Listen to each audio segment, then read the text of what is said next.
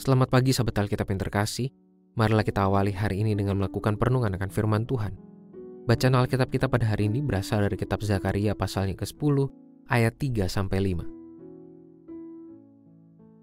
Terhadap para gembala, murkaku menyala-nyala dan terhadap kepala-kepala kawanan kambing, aku akan mengadakan pembalasan.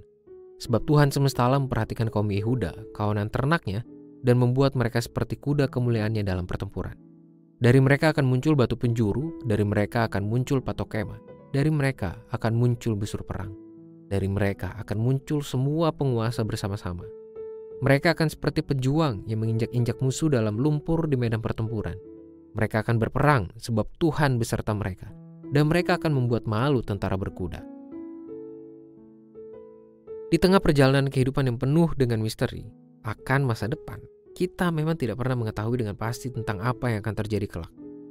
Peribahasa roda selalu berputar pun kerap digunakan untuk menggambarkan tentang dinamisnya situasi dan kondisi hidup pada setiap manusia. Segala sesuatunya dapat berubah drastis bahkan dalam waktu yang sangat cepat, termasuk perihal status dan kekuasaan yang dimiliki oleh seseorang. Posisi yang dianggap oleh manusia adalah aman, tidak menjadi jaminan mutlak bahwa segala sesuatunya akan berjalan sebagaimana yang diharapkan. Status dan peran yang sedang diemban adalah sementara, begitu pula dengan kekuasaan maupun rasa aman yang didapatkan karena kedua hal tersebut. Hal ini Tuhan buktikan melalui penyelamatan yang ia hadirkan bagi umatnya. Terdapat dua kelompok yang diubahkan oleh Tuhan dari status dan posisinya semula, Kelompok pertama adalah para gembala, yakni setiap orang yang memiliki peran maupun status sebagai pemimpin yang justru melakukan kesewenang-wenangan terhadap orang-orang yang mereka pimpin. Kelompok kedua adalah kawanan ternak Tuhan, yaitu umatnya yang tadinya diperlakukan dengan penuh kecurangan, sehingga mereka menjadi begitu lemah, justru ditransformasi oleh Tuhan menjadi penuh daya. Semua itu merupakan dampak nyata dari pimpinan Tuhan bagi setiap umatnya. Sahabat Alkitab, permenungan ini telah mengajak kita untuk menyadari bahwa Pimpinan Tuhan bagi umatnya adalah proses pemberdayaan yang terjadi secara berkelanjutan. Janji ini tidak hanya berlaku bagi orang Israel pada ribuan tahun yang lalu, melainkan juga tersedia bagi setiap umat Tuhan di segala waktu dan tempat, termasuk bagi kita di masa sekarang.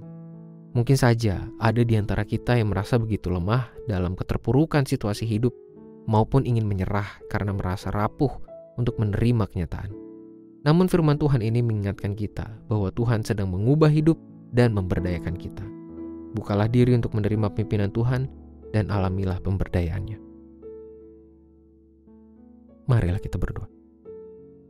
Tuhan kami menyerahkan diri kami seutuhnya ke dalam pimpinan Tuhan. Kami yakin dan percaya, menurut dengan kebenaran firman-Mu yang kami renungkan ini, Tuhan selalu membentuk kami, Tuhan selalu memulihkan kami, Tuhan selalu memberdayakan kami. Karena kami adalah kawanan ternak Tuhan yang Tuhan gembalakan dengan penuh kasih, dengan penuh kepedulian, dengan penuh cinta. Hanya di dalam nama Tuhan kami Yesus Kristus kami berdoa dan menyerahkan kehidupan kami. Amin.